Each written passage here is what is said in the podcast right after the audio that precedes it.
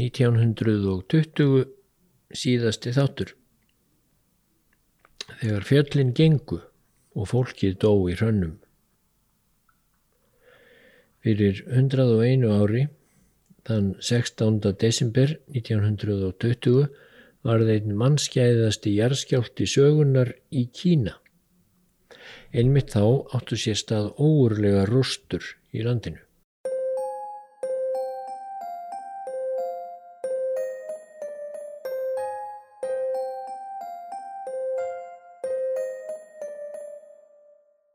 Það var löst fyrir klukkan tíuða kvöldi, 16. desember 1920. Hátt upp í fjálslíð í Haiyuan héradi í Kína var hellir þar sem hafði lengi verið mannabyggð.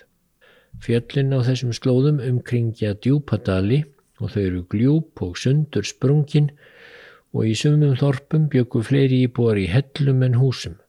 Sá tildekni hellir sem hér er nefndur til sögu var hins vegar nokkuð frá öðrum mannabústöðum en það vildu þeir 300 menn sem höfðu sapnast inn í enn þetta kvöld, þeir vildu umfram allt fá að vera í friði. Við hellismunnan var kornungur varðmaður sem gætti þess vandlega að engir væri að sniglast við hellin sem ekki áttu þangað erindi, en það var enda lítil hætt á því.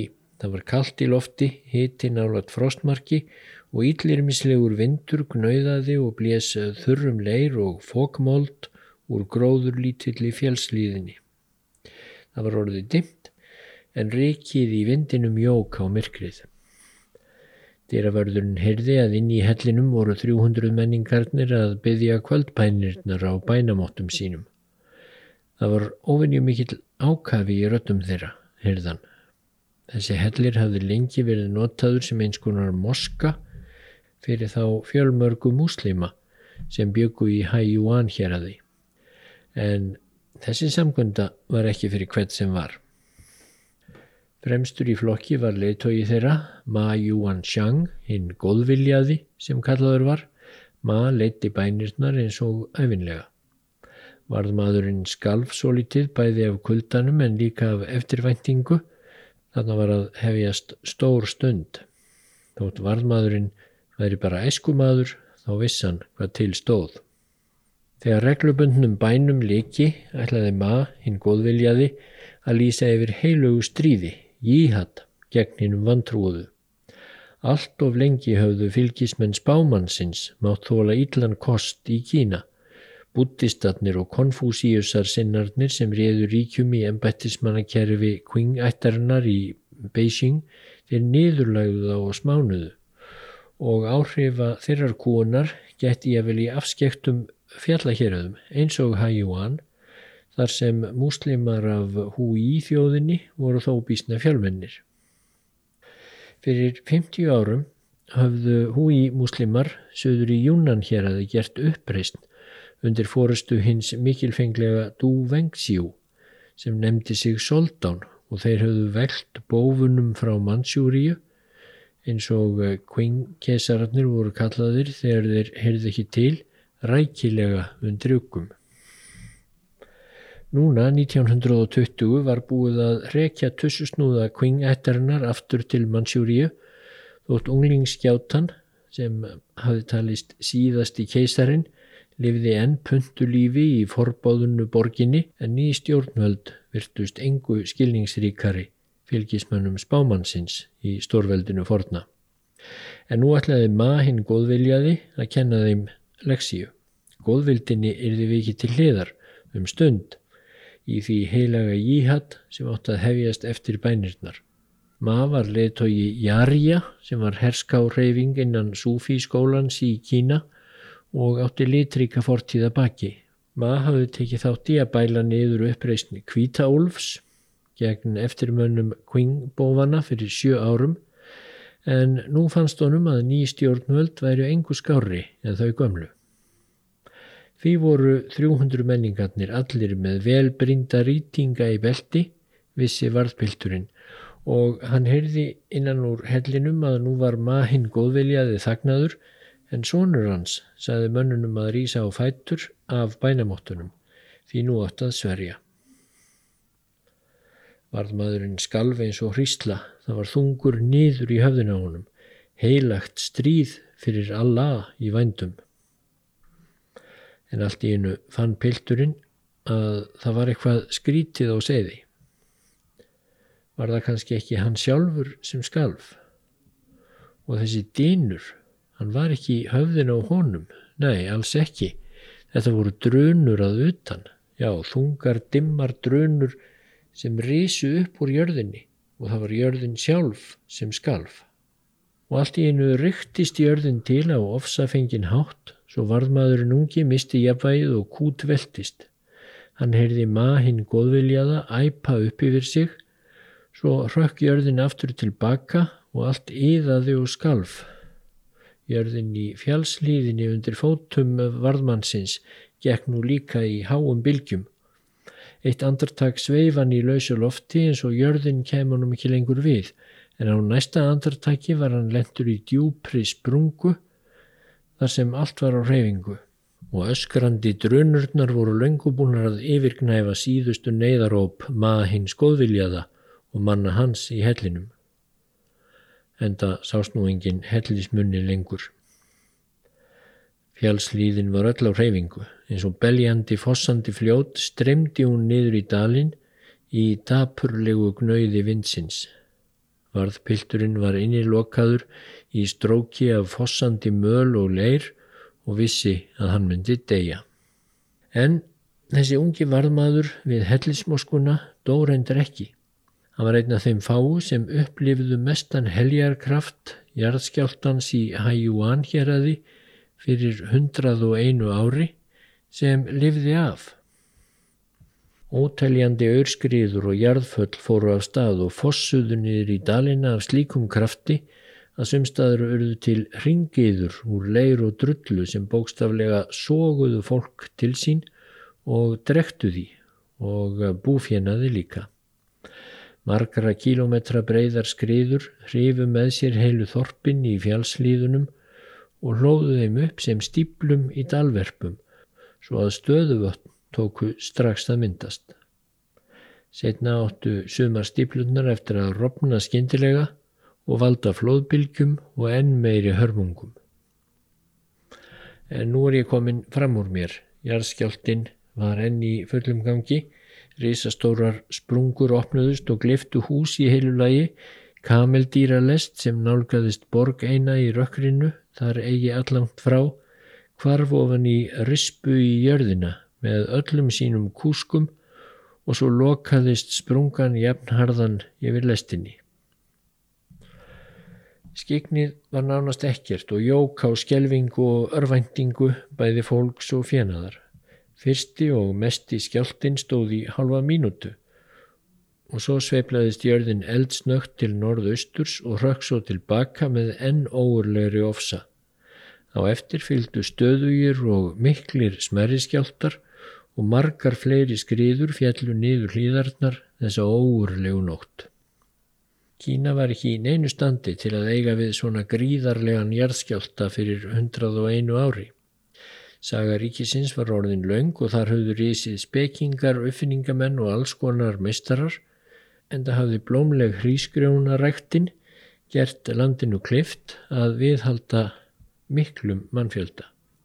Íðulega ríktu alvaldir keisarar í Kína yfir blómlegum auðugum ríkjum en inn á milli geysuðu svo grimmileg og blóðug stríð að jáfnvel herskarar Evrópu voru sem leikskólabörn í þeim samanbörði.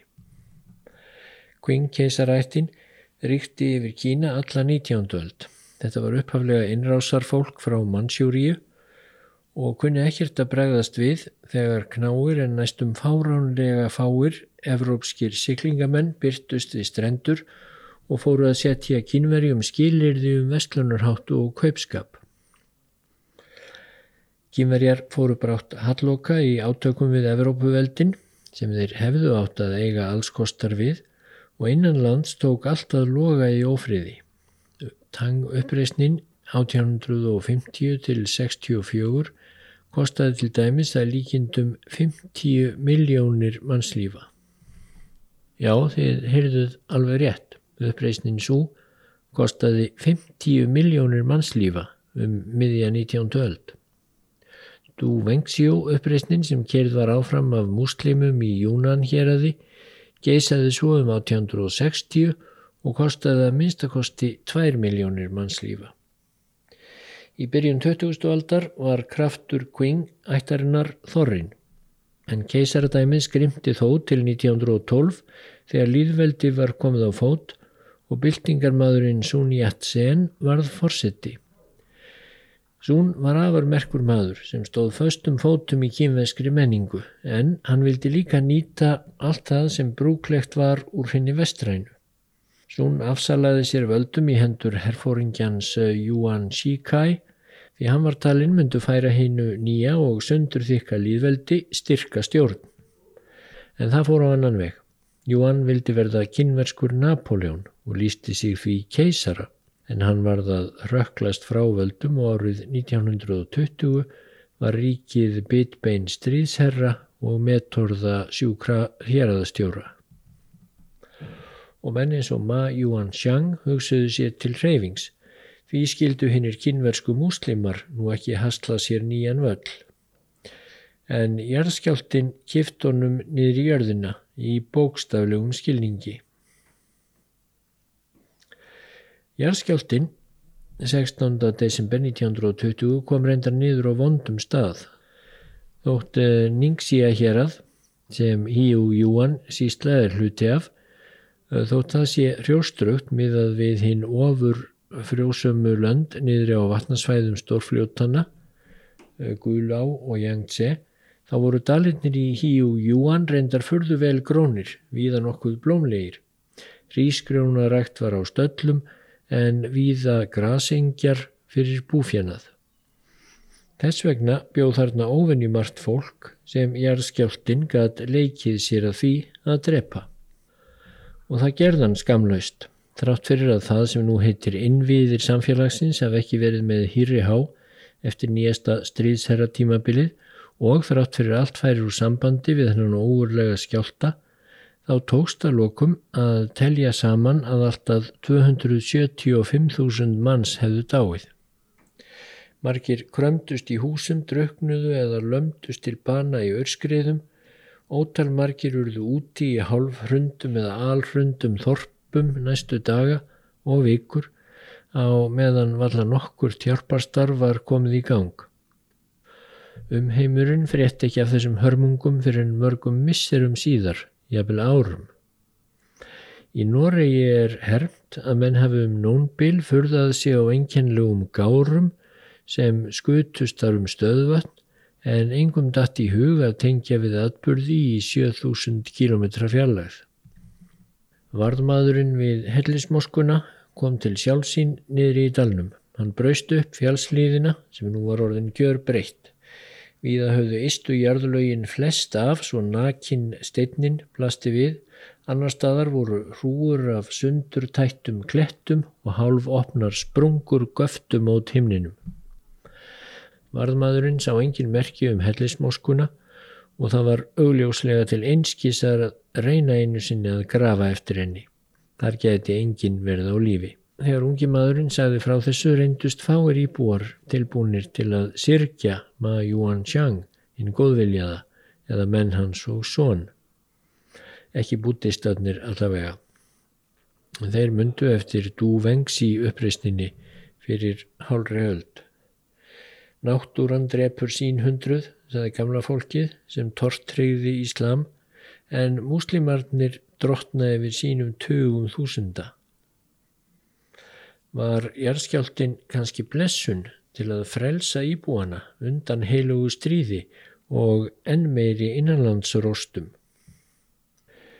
Sér var þá hver blessunin. Á svæði sem er 100 sinnum 400 kilometrar, tæpur helmingur Íslands sem sagt, sáast merki um skjáltan þann 16. desember og á því svæði sem verst var leikið, já þar var bara allt í rúst. Í einum dal höfðu verið mörg þorp, þar lifðu þrýr menn af og tveir hundar, en í mörgum þorpum höfðu einfallega allir farist. Í einu þorpi lifðu aðeins tveir, það voru gömul hjón, börnin þeirra höfðu áður rekið þau að heiman, svo þau hýrðust í kulda og trekki í kofaskripli í útjæðri þorpsins. Jarðskjáltin hlýfði kofanum en glifti þorpið og alla sem þar byggu. Þar á meðal börn og barnabörn gamla fólksins. Skildi þeim hafa hleyið hugur í brjósti. Í öðru þorpi fossaði auður og reik yfir allan húsakost og þar á meðal gistihús.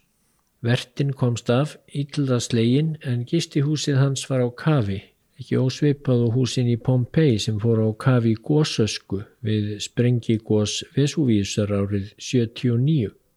Mörgum dögum eftir skjáltan rangaði vertin loks við sér og myndi að tveir ferðamenn hafðu verið í herbergjum hans. Það tókst með harmkvælum að grafa þá upp og þeir voru enn á lífi en naumlega þó. Vertin glemdi ekki að rukka þá fyrir hverja þá nótt sem þeir voru grafnir í húsi hans. Í sumum þorpum tókum henn strax til óspildra málana og tókst að grafa upp hilmarga úr rústum húsa. Í öðrum þorpum voru menn svo sleiknir út af læginu að þeir báru ekki einu sinni við að leita eftirlifenda í rústum og skriðum. Alls voru það tíu borgir sem reyndust meir og minna í rúst. Sumstaðar stóðu skrokkar bæði manna og fjenaðar hálfir upp úr örnum og rústunum án þess að hreift færi við þeim lengi vel. Það var einfallega öðru að sinna. Þegar bandarískir bladamenn heimsóttu svæðið þremur mánuðum setna voru hvarvetna stórir hópar af villihundum sem fóru um og gettu sér á þessum líkamsleifum en annar staðar hafði fólk vissulega verið grafið með þeirri viðhöfn sem hræðilegar andstæðurnar lefðu. Þegar þessir fyrrnemdu bladamenn sem voru frá National Geographic. Þegar þeir spurðu heimamenn hvað hefði gerst og þeir stóðu anspænis herrvirkjunum í fjálslýðum og niðri í dölunum, þá fannst þeim að kymverjar ættu ekki eitt einfalt orð yfir skriðurhlaup sem þarna höfðu átt sér stað. Fótspor Guðarna, sagðu heimamenn um gífurleg sári í fjálslýðunum og stöðuvatn sem voru að setla neðst í dölunum og fjöllin þau gengu. Áfall eins og þessi jarðskjálti breytti engu um stjórnarfarið í Kína. Það var greinilega til ofmikil smælst. Stríðsherratnir heldu áfram að deila. Enn var þrengt að muslimum og öðrum minnihlutahópum. Ekkert útlitt var fyrir að stöðuleiki kemist á. Sun Yat-sen kom slóksta þeirri niðurstöðu að það stæði upp á hann að leysa málið og með hervaldi í þetta sinn. Með nýjan þjóðurnisflokk, Kuomintang, sér til stöðnings, hóf Sun að eblast í söður hluta Kína. Hann náði góðum tengslum við hýna nýju sovjetstjórn í Rúslandi og vekk markvíslegan stöðning frá henni, auk þessum bandalagi komst á með Kuomintang og nýjum kommunistaflokki Kína sem stopnaður var 1921 og varð fljótt afar áhrifamikill. Ímsir stríðsherrar komu líka til liðs við són. Hann dó hins vegar sjálfur á sótarseng í mars 1925 en arftæki hans, Chiang Kai-shek, hóf mikla sókn í norður sumarið 1926 og náði í árslokk 1928 að knýja síðustu stríðsherrana til uppgjafar. Kína vertist nú sameinað í nýtt og upplugt ríki sem væri til alls víst. En engin tími vans til að skjóta styrkari stóðum undir eh, nýja Kína, Shanghai Sheiks. Í fyrsta lagi slítnaði enþá upp úr bandalagi þjóðurni sinna og kommunista og þótt Mao Zedong, kommunista, virtist framanaf í úlva kreppu þá helt hann að lokum sjó og styrtist mjög þegar kom fram á fjórða áratugin. Stuðningur smábænda við kommunista reði þar úr slittum. Brátt geisaði allsherjar borgarastyrjöld millir Kuomintang og kommunista. Í öðru lagi varð sívaksandi yfirgangur Japans til að veikja Kína mjög. Japan reðst inn í Mansjúríu árið 1931 og svo inn í Kína sjálft 1937. En eftir að Japanir hurfu á braud 1945 Þá kom brátt á daginn að kommunistar höfðu skotið mun dýpri rótum í samfélaginu en nokkurn hafði órað fyrir og 1948 hröktuðir stjórn Sjangs út á eiginu Tæfan en réðu eftir leiðis afgangi þessa mikla og fjölmenna ríkis. Því svo fjölmennt var Kína og svo frjósamt að jafnvel eftir skjelvingar áföll eins og missi 275.000 manna í desember 1920 þá sávalla högg á vatni.